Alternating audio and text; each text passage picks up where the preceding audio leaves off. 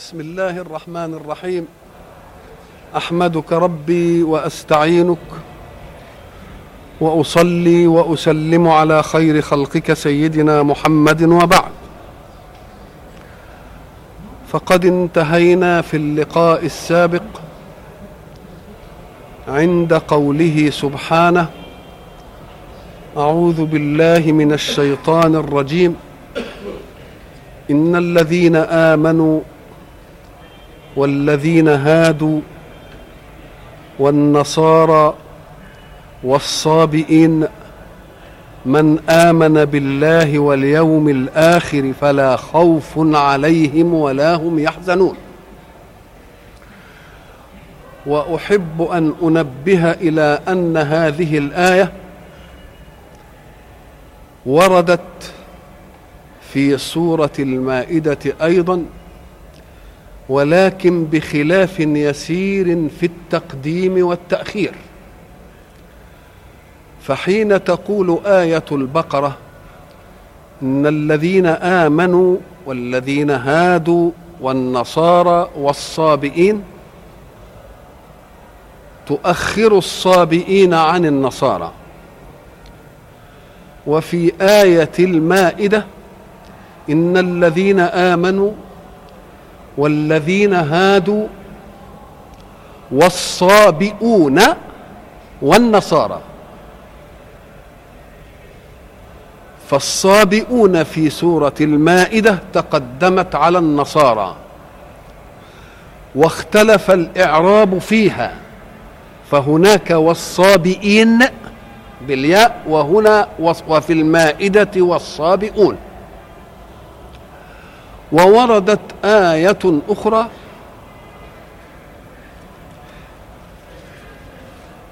في هذا المعنى في سورة الحج إن الذين آمنوا والذين هادوا والنصارى والصابئين والمجوس والذين أشركوا إن الله يفصل بينهم يوم القيامة. آيات في ظاهر الأمر أنها تتعلق بمعنى واحد وبجمع لشيء من الأديان مرة يقتصر على اليه... الذين آمنوا واليهود والنصارى والصابئين ومرة يتكلم عن المجوس والذين أشركوا في آية سورة الحج. لكن يلاحظ أن الله سبحانه وتعالى في آية البقرة وآية المائدة يجعل الخبر في لإن من آمن بالله واليوم الآخر فلا خوف عليهم ولا هم يحزنون. وفي آية الحج التي زاد فيها المجوس والذين أشركوا قال إن الله يفصل بينهم يوم القيامة. فنريد أن نفهم اولا التكرار في الآيات. ونريد أن نفهم ثانيا تقديم الصابئين مرة وتأخيرها ومع تقديمها رفعت فكسر الإعراب. وفي الآية الثالثة اختلف الخبر إن الله يفصل بينهم يوم القيامة. نحن نعلم أن الله سبحانه وتعالى حينما خلق آدم عليه السلام بلغه منهجا يعيشه ويلقنه لذريته من بعده. وقلنا فيه فإما يأتينكم مني هدى فمن اتبع هداي أو فمن تبع هداي. وكان المفروض في آدم أن يبلغ هذا المنهج لذريته. ولو أن كل إنسان بلغ من أنجبه هذا العهد لظل العهد ناصعا طول الحياة. ولكن الناس حين تشغلهم الحياة وتطرأ عليهم الغفلة ينسون كثيرا من منهج الله ويتبعون شهواتهم فكان ولا بد من رحمة الله بخلقه أن يواصل موكب الرسل لأهل الأرض فيأتي الرسل ليذكروا ولينذروا وليبشروا. فمن المعقول أن يكون الذين آمنوا أول الأمر قد نقلوا ذلك إلى ذريتهم. فإذا قال الله إن الذين آمنوا أي آمنوا إيمانا قبل أن يطرأ على الإيمان تلون بلون قوم أو جنس كاليهودية والنصرانية والصابئية. وبعد ذلك جاءت أديان مشهورة هي اليهودية والنصرانية والصابئية. فيريد الله أن يجمع كل هذه الأشياء التي سبقت مجيء محمد صلى الله عليه وسلم.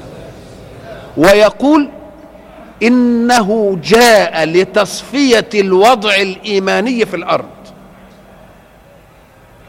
فالذين آمنوا اولا من أي دين كانوا والذين تسموا باليهود والذين تسموا بالنصارى والذين تسموا بالصائفة كما نقول نحن اوكزيون عقدي انتهى كل شيء فمن استأنف إيمانا بمحمد صلى الله عليه وسلم فلا خوف عليهم ولا هم يحزنون. فكأن رسالته صلى الله عليه وسلم جاءت لتصفية كل الأديان كلها. فلا يقولن صاحب دين أنني مؤمن وأن محمد عليه أن يطلب من غير المؤمنين أن يؤمنوا به. فقال لا الذين آمنوا ولو كبقي منهم من عهد آدم ولو بقي منهم من عهد إدريس ولو بقي منهم من عهد نوح ولو بقي منهم من عهد إبراهيم ولو بقي منهم من عهد صالح ولو بقي منهم من عهد هود كل هؤلاء جميعا الذين آمنوا ولم يلون إيمانهم بشيء ينسبون إليه إلا مطلق الإيمان وكذلك الذين نسبوا إلى اليهودية وكذلك الذين نسبوا إلى النصرانية وكذلك الذين نسبوا إلى الصابئة. كل هؤلاء الآن تصفية جديدة للوضع الإيماني العقدي في الأرض. فمن آمن من هؤلاء بالله ورسوله وصدق بالدين الجديد فلا خوف عليهم ولا هم يحزنون. ومن تمسك بإيمانه الأول قبل أن يطرأ تلوين من يهودية وبعد أن طرأ تلوين من يهودية أو نصرانية أو صابئية يبقى ما دام اللي يؤمنوا الإيمان الجديد ده الإيمان الذي يمسح العقيدة الإيمانية في الأرض ويجعلها مركزة فيه ما دام الأول لا خوف عليهم ولا هم يحزنون يبقى من لم يؤمن من هؤلاء إيمانا جديدا بمحمد يبقى نبقى ندي لهم الحكم المناقض. وما هو الحكم المناقض؟ يبقى فله فلهم خوف ولهم إيه؟ ولهم حزن. يبقى اذا هذه الآية جاءت لتصفي مسألة العقيدة الإيمانية حتى لا يظن من ورث إيمانا عن آدم أو عن نوح أن إيمانه كاف. أو من تبع موسى باليهودية أن يهوديته كافية. أو نصرانيته كافية. أو صابئيته كافية. نقول لهم لا ذلك مسح جديد لعقيدة العالم ووحدة دين جديد ينتظم كل الأرض إلى أن تقوم الساعة. فمن تبع هذا الدين فلا خوف عليهم ولا هم يحزنون. ومن لم يتبعه يبقى هات المقابل يبقى لا فيه خوف وفيه إيه؟ وفيه حزن. هذا من أراد أن يدخل في هذه التصفية الإيمانية العقدية العامة الجامعة المانعة. الآيتين الاولانيين تعرضوا لهذا. الآية الثالثة قالت بقى واللي هيفضل على ما هو عليه ولا يؤمن بهذا الدين الجديد يبقى لا فصل فيه إلا اليوم القيامة. أن إن الله يفصل بينهم فكأن فيه أيتين. تعلقتا بتصفية الإيمان في الإيمان بمحمد وبرسالته وآية لمن بقي متمسكا بهذا نقوله إن الله يفصل بينهم يوم ولذلك دخل المجوس والذين إيه؟ أشركوا. طيب لماذا لم تجئ المجوس والذين أشركوا أيضا في الآية؟ ما يدخلوش ليه؟ قال لك لأن هؤلاء داخلون من باب أولى. لأن لأن هؤلاء ربما ظنوا أن إيمانهم بالله على طريقتهم القديمة أو إيمانهم بما جاء بموسى به موسى أو إيمانهم بما جاء به عيسى أو إيمانهم بما جاء به نوح اللي هم الصابئين. يبقى كافي. إنما التانيين ما بيؤمنوش بدين خالص. يبقى دول لم يدخلهم يبقى من باب أولى.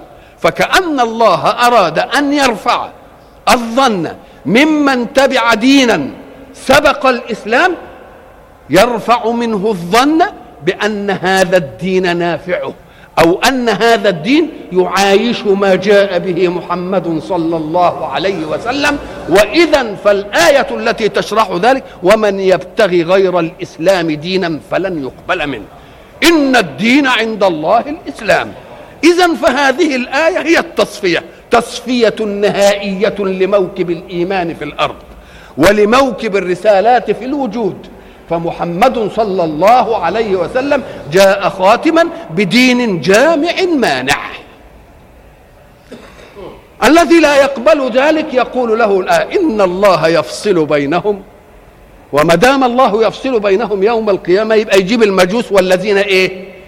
الذين أشركوا. وإلا فما جابهمش في الآية الأولانية.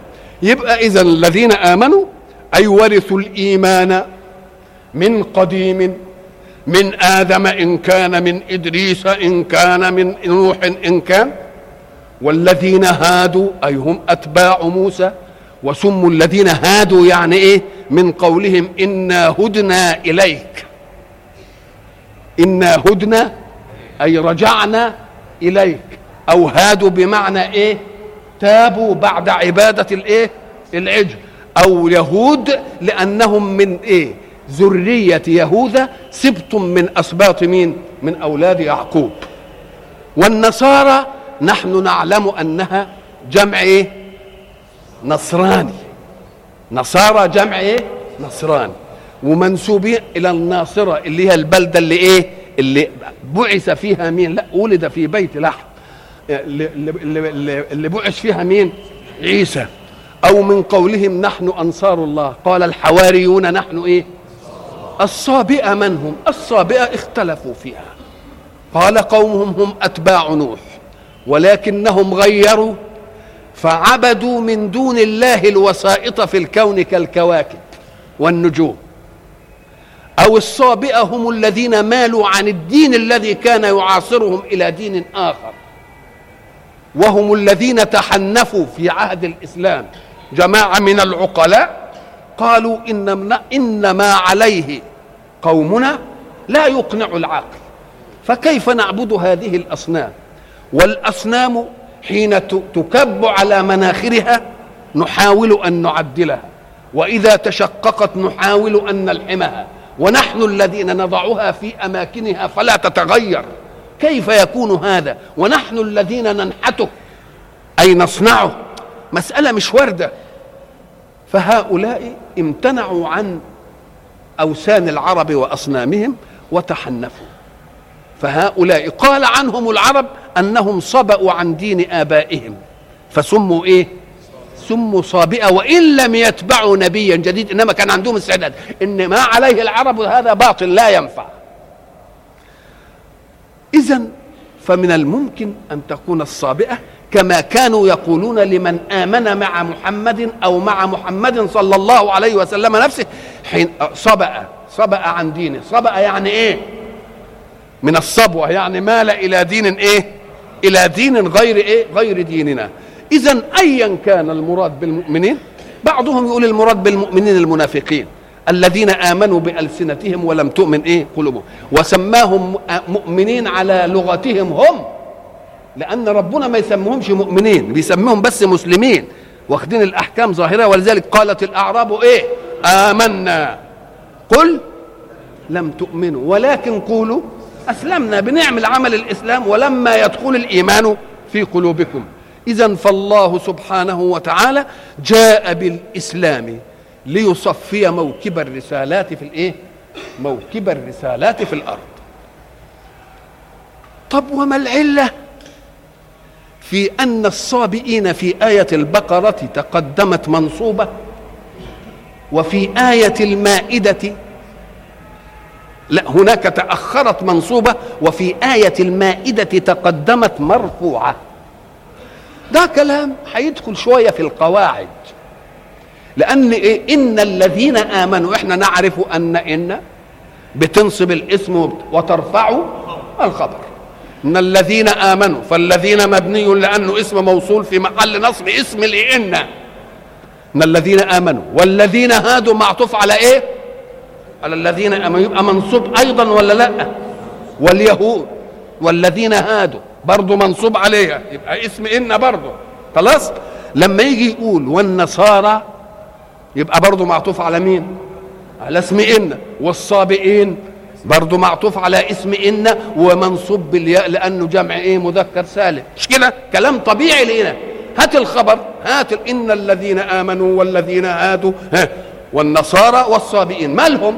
ما شأنهم؟ ها أين الخبر؟ من آمن بالله واليوم الآخر فلا خوف فلا خوف عليهم ولا هم يحزنوا كلام مستقيم في آية البقرة إعرابا وترتبا. والصابئين تأخرت عن النصارى لأنهم كانوا فرقة قليلة لا تمثل جمهرة كثيرة كما تمثلها النصارى. ولكن في آية المائدة تقدمت الصابئين ولكنها بالرفع. إن الذين آمنوا هذا اسم إن والذين هادوا هذا معطوف عليه. مش كده؟ والصابئون. كان القياس إعرابيا أن يقول والصابئين. مش كده؟ وبعدين عطف تاني وقال والنصارى. زي الأولانية تمام. إذا فكلمة الصابئون توسطت بين اليهود وبين النصارى وليتها كانت منصوبة. لقلنا فيه تقديم فقط. مش كده؟ لكن هنا تقديم وإيه؟ وكسر إعراب. وكسر إيه؟ معنى كسر إعراب يعني أنها أعربت اعرابا لا يقتضيه الظاهر. والعربي بطبيعته أذنه مرهفة لفصاحة اللغة.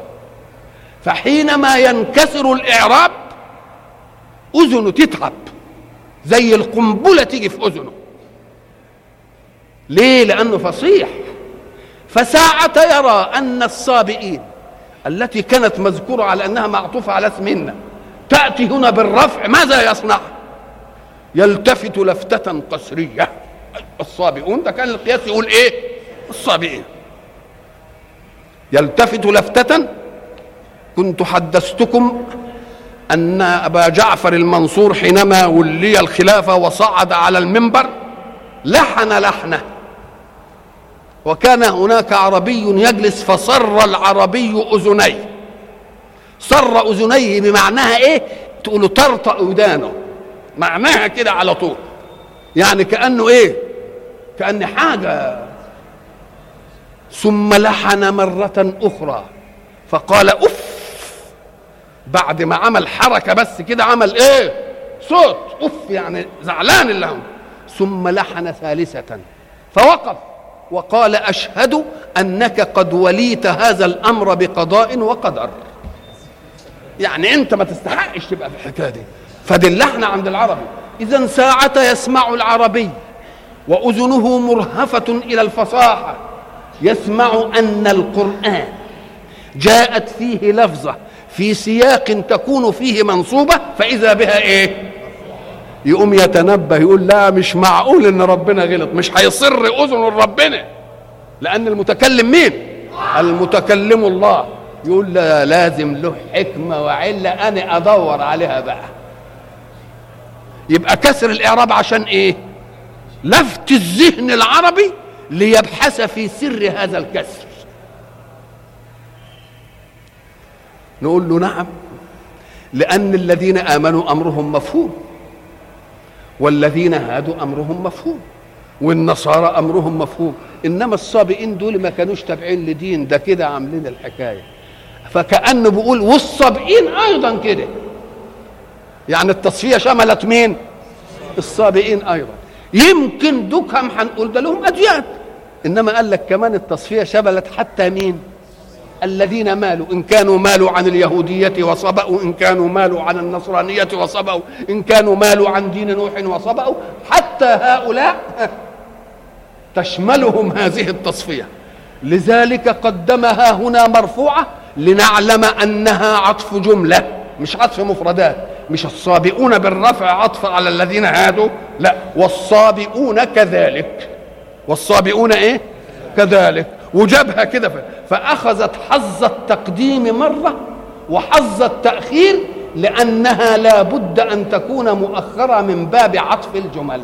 فكأن هذا الرفع أعطاها التقديم بمزيته وأعطاها التأخير بإيه؟ بمزيته. وقال حتى الصابئون أيضا داخلين في هذه الايه؟ في هذه التصفية.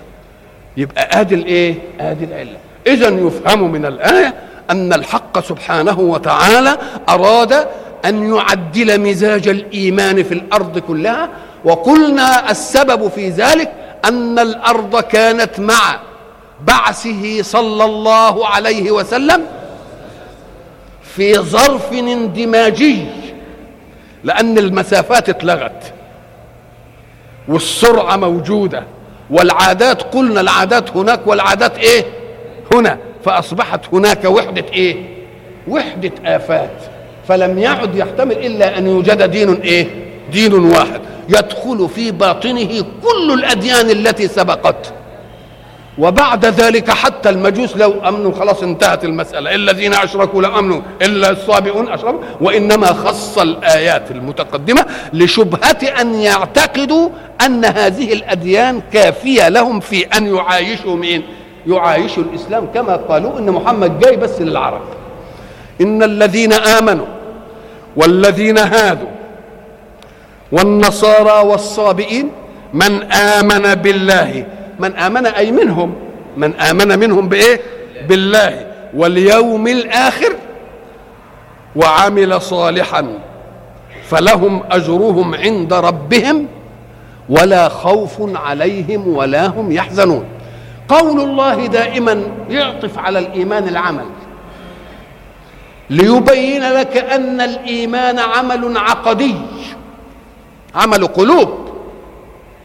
وهل يكفي هذا في أن جوارحك لا تنفعل لمنهج الإسلام؟ يقول لك لا. يبقى آمن وعمل إيه؟ عمل صالح. لأن فايدة الإيمان إيه؟ هل الله سبحانه وتعالى يضر بكفر الناس؟ لا يضر بكفر الناس ابدا. إنما يريد الله منهجا يسيطر على حركة الحياة حتى تتساند الحركات. اذا فالمهم من كل الأديان إيه؟ حركة الحياة تتفق.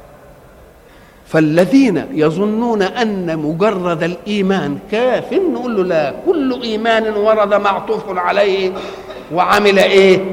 وعمل صالحا. لكن العمل الصالح مش هينشا إلا عن عقيدة إيمانية. لأن أنا هعمل صالح بناء عن إيه؟ بناء عن منهج. المنهج ده من اللي جايبه؟ الرسول. ممن أتى به. من الله. اذا لازم أؤمن بالله. وأعتقد أن له طلاقة القدرة وطلاقة العلم وطلاقة الحكمة وط... كل الصفات دي. اذا فالعمل الصالح الذي يريده الله منتظما لحركة الإنسان في الأرض لا يمكن أن نقبل عليه إلا أن أخبرنا به رسول. والرسول لا يأتي بهذا من عنده وإنما يبلغه عمن عن الله سبحانه وتعالى. اذا فلا يمكن أن أقبل عليه واعتبره عمل صالح إلا إن كنت مؤمن بمين؟ بالله وهو التكليف. فلا خوف عليهم في الدنيا ولا هم يحزنون في الآخرة. ده كلام طيب. وإذ أخذنا ميثاقكم برضو وإذ ساعة تسمع وإذ فاعلم جيدا أنها ظرف زمان لحدث. ظرف زمان لحدث. اذكر إذ حصل كذا. اذكر إذ حصل كذا. وإذ أخذنا ميثاقكم. لاحظ أن القرآن حينما يتكلم هنا عن اليهود يتكلم عليهم بالخطاب. وهل الذين عاصروا نزول القرآن هم الذين أخذ عليهم الميثاق؟ هؤلاء مخاطبون والمراد به آباؤهم وأجدادهم الذين عاصروا هذا العهد. ليه؟ لأن إن كانوا آباءكم مؤمنين كان يجب يلقنوكم كل ما مر بهم من أطوار إيمانهم. فكأن المطلوب من كل أب أن يبلغ ذريته ما انتهت إليه قضية عقيدته الإيمانية. فحين يمتن الله على أنهم أنه أنقذهم من فرعون وهل أنقذ الموجودين؟ لا أنقذكم نعم لكن بالتبعية لأنه حين أنقذ أباءكم من التسبيح هو الذي أبقاكم إلى الآن. يبقى أنتم ولا لأ؟ كأنكم كنتم مطمورين في آليكم طب وإذ استسقى موسى لقوم برضه لو ما استسقاش موسى لقومه كان هلكوا من العطش. ولو هلكوا من العطش لما أتيتم أنتم. إذا فكل امتنان عليهم هناك يعتبر امتنانا عليهم إيه؟ عليهم هنا. وإذ أخذنا ميثاق إن كانت بقيت لكم بقية من دين في اليهودية فهذا من أخذ الميثاق القديم. لولا ذلك لما حصل لكم إيه؟ إذا فكل نعمة نتحدث بها عن السابقين إنما نتحدث بها عن السابقين في إيه؟ في أشخاصكم أنتم. واذكروا إذ أخذنا ميثاقكم ورفعنا فوقكم الطور. قلنا أنهم بعد أن نجوا وغرق فرعون ذهب موسى لميقات ربه لأخذ التوراة فعبدوا العجل في الفترة دي. فحينما جاء موسى بالتوراة والألواح ماذا حدث؟ وجدوا فيها إصر عليهم يعني شدة. فقالوا نحن لا نطيق هذا التكليف. وفكروا ألا يقبلوا هذا التكليف. حين يفكرون أن لا يقبل هذا التكليف من مكلف هو الله ويقولوا لا ما نقدرش يبقى أي الحكمين نصدق؟ نصدق أنهم لا يقدرون على ما فيها من إصر ولا نصدق أن الله كلفهم بما لا يطيقون. نصدق إيه فيه؟ لا الله قال لنا مبدأ إيماني. لا يكلف الله نفسا إلا يظن الناس أننا نبحث أنسع هذا الأمر أم لا نسعه. فإن كنا لا نسعه بحكمنا نقول لا ربنا ما يكلفناش بيدي ويجب نعدله في لما يكون في الوسع نقول له لا لا تفرض أنت الوسع ثم تحكم على التكليف بما حكمت أنت من الوسع ولكن هل كلفك الله أم لم يكلفك؟ فإن كان الله قد كلفك فهو عليم بأن ذلك في وسعك لأنه لا يكلف الله نفسا إلا ما أتاها. يبقى ما تقلبهاش. زي ما يجوا دلوقتي مثلا ويقول لك العصر ما عادش يحتمل ما فيه في وسعنا إننا نعمل كده وربنا بيقول لا يكلف الله نفسا إلا إيه؟ فكأن الوسع الذي وجد الآن هو الذي يحكم بأن ده يبقى تكليف أو مش تكليف. نقول له وهل وهل الآن في تكليف؟ هل الآن في تشريع؟ بعد وسعك ما قل هل وجد تشريع جديد ولا التشريع موجود من قديم؟ يبقى الذي كلف قديما يعلم أن وسعك يتسع لذلك. بدليل أنه حين يعلم وهو لا تخفى عليه خافية أن الوسع قد يضيق بالتكليف يجعل من التشريع تخفيف التكليف. يجي مثلا الحائض اللي بتنهج دي يوم هو ما يقول ما كلفتهاش من وسعها ما تصليش ما ما تصومش. المسافر اللي بيتعرض لمشقات السفر نقول له أكثر الصلاة اللي ما يقدرش يستعمل المية يقول له يتيمم آه فكأن الوسع لم يغب عن المشرع. الوسع لم يغب عن المشرع. يبقى إذا ما دام الله قد كلف ولم يرخص فاعلم أن الله يعلم أن وسعك يتسع للتكليف. فلا تقل هذا لا يتسع له لا تتسع له طاقة نفسه نقول أكلفه أكلفك الله وأبقى تكليفه بدون ترخيص. تقول له إيه؟ يقول له خلاص يبقى إذا هذا إيه؟ هذا في وسعك. ساعة يريد الحق سبحانه وتعالى بالفضل وبالرحمة أن ينفع قوما رغم أنوفهم. نقول له ولله المثل الأعلى. إذا أنت جئت بدواء لأن الطبيب كتبه لعلاج ابنك المريض فأنفت نفس ابنك أن تتعاطى الدواء. أمن الرحمة به أن تقول له على كيفك ما تشربوش؟ ولا من الرحبة به أن تقسو عليه قسوة؟ حتى إيه؟ يشرب.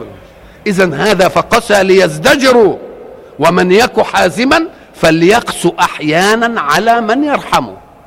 علم الله أن هؤلاء لا يصلحون إلا بهذا التكليف. وهم كارهون لهذا التكليف. كما كره الطفل الإيه؟ الدواء. من رحمته أن يرغمهم على قبول هذا المنهج. اوعى تقول أرغم ده ارغم رحمة. أرغم إيه؟ رحمة. فراح عمل إيه؟ رفع الطور جبل الطور ده رفعه كده. وقال تقبلوا التكليف أو أطبقه عليكم. يعني عدمكم خير من حياتكم بدون هذا التكليف. يبقى ما يقالش أن الله أرغم على تكليف وإنما تقول أنه رحم فأرغمني على التكليف كما رحم الأب ابنه بأن إيه؟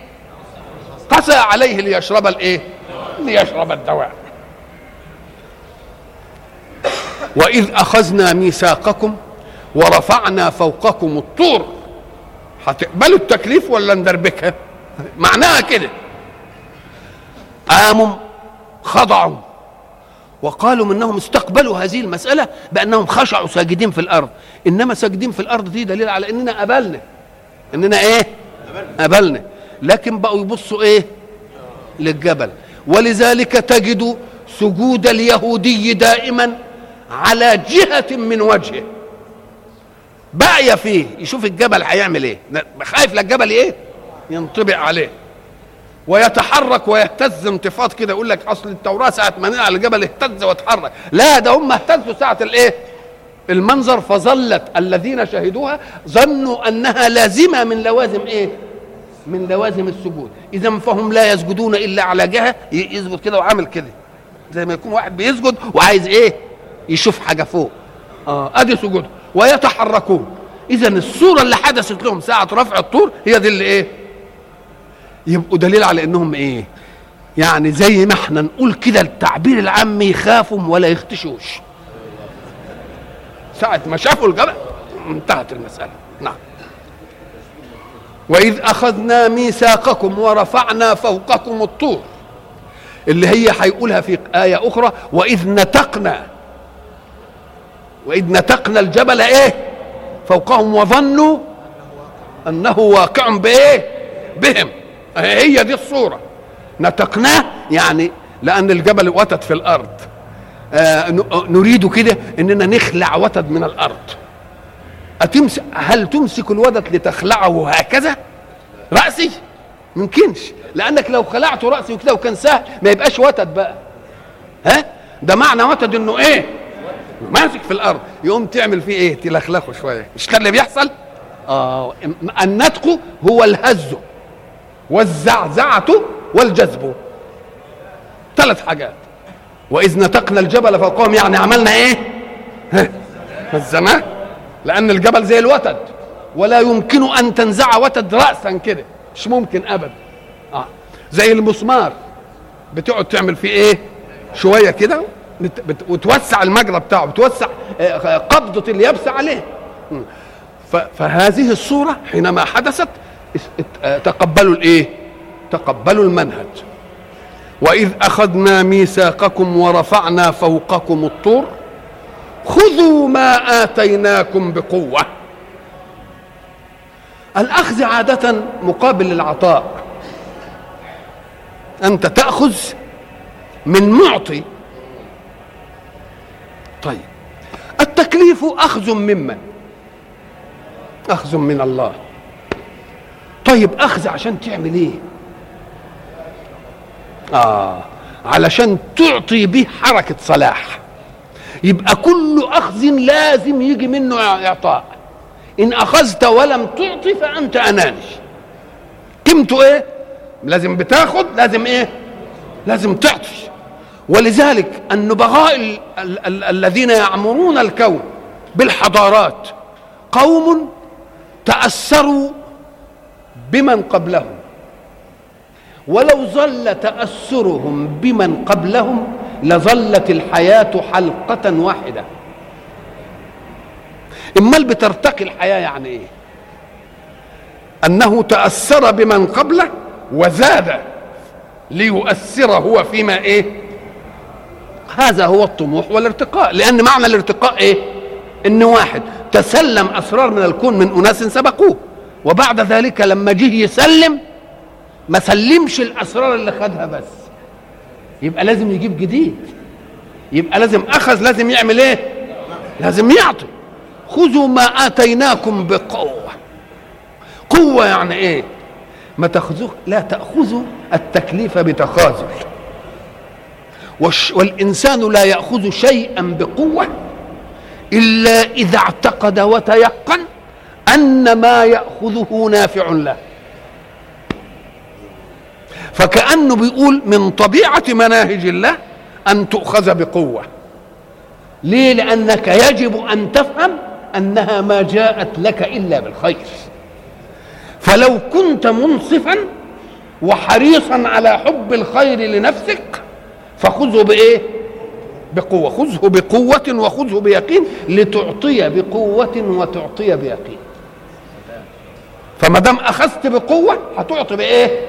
بقوة. أخذت بيقين ستعطي بيقين. وحين يكون أخذك لمنهج الله بقوة معناه أنك ائتمنت المكلف على ما كلفك به. ائتمنت المكلف على ما كلفك به واستشرفت أنت إلى جديد لتأخذه منه. ولذلك تجد في الدين الإسلامي يعرض الله عرضا كثيرا يسألونك يسألونك يسألونك. وهل يسأل الإنسان إلا ما يرى فيه الخير لنفسه؟ لو أنهم كانوا التكليف ده صعب عليهم كانوا يكتفون بما ينزل إليهم ولا يستزيدون بالسؤال عن حكم جديد. إنما معنى يسألونك يسألونك يسألونك يسألونك كأنهم تعشقوا التكليف. وما ذاقوه منه علموا أنه نافع. فكل أمر يحبون أن يعلموا فيه حكم الله. وما دام كل أمر عايزين يعرفوا فيه حكم الله يبقى هم اللي طالبين للحكم ولا لا؟ وما دام هم اللي طالبين للحكم يبقوا كارهين التكليف ولا عاشقين للتكليف؟ آه عاشقين للتكليف ليه؟ يسألونك عن الخمر هم اللي بيسألوا. يسألونك عن الأهل يسألونك ماذا ينفقون. مش كده ولا لا؟ آه. يبقى إذا ما دام بيسألونك أي يستزيدون حكما جديدا لم يوجد لهم فيما سبق قولهم من التكليفات. ولا يسألون المزيد من التكليف إلا لأنهم تعشقوا التكليف. إذا فالتكليف لم يعد شاقا على نفوسهم وإنما أصبح إيه؟ محبوبا كما تصادف طبيبا يشفيك من علتك وبعد ذلك تثق فيه. وبعدين تروح تقول له والله أنا مش عارف إيه والله يقول لك أنت خلاص ما عندش يقول له معلش برضه أنا مش آه الله. يبقى اذا المسألة ما دام في سؤال كده يبقى اذا الحق سبحانه وتعالى يقول خذوا ما آه ما أتيناكم بقوة. ليه؟ لأن أخذك بالقوة يدل على يقينك بالمكلف وعلى يقينك بنفع التكليف لك. وإذا ما أخذت شيئا بقوة فإنك ستعطي مقابله بإيه؟ بقوة أيضا. خذوا ما آتيناكم بقوة واذكروا ما فيه لعلكم تتقون. اذكروا ما فيه ليكن كل ما في المنهج على ذكر منكم. إياكم أن تنسوا شيئا منه لأن المنهج بيعالج أقضية الحياة مجتمعة وفي قضايا لا تكون رتيبة في الحياة. إنما لها حكم في المنهج ولا لا؟ لا بيقول لك اذكروا لما تيجي قضية تذكر كده واقعد أسور القرآن علشان تعرف إيه؟ آه فكأنك تريد أن تبحث وأن تنقب لتكشف عن إيه؟ عما في المنهج من حكم يتعلق بقضية قد تكون قضية إيه؟ قضية طارئة. لعلكم تتقون قلنا تتقون يعني إيه؟ تطيعون الله أو تتقون يعني تتقون الغضب من الله في يوم القيامة من عذابه وصفات جلاله. صالحة وإيه؟ وصالحة. رغم هذا الذي حدث والآية الكونية والجبل يرفع ماذا حدث منكم؟ توليتم ثم توليتم. وكان المفهوم أن بذكرى رفع الطور فوقكم أنكم لا تنسون هذه الحادثة أبدا ولكنكم نسيتوها. وإلى لقاء آخر إن شاء الله نكمل قضيتنا مع اليهود. والسلام عليكم ورحمة الله.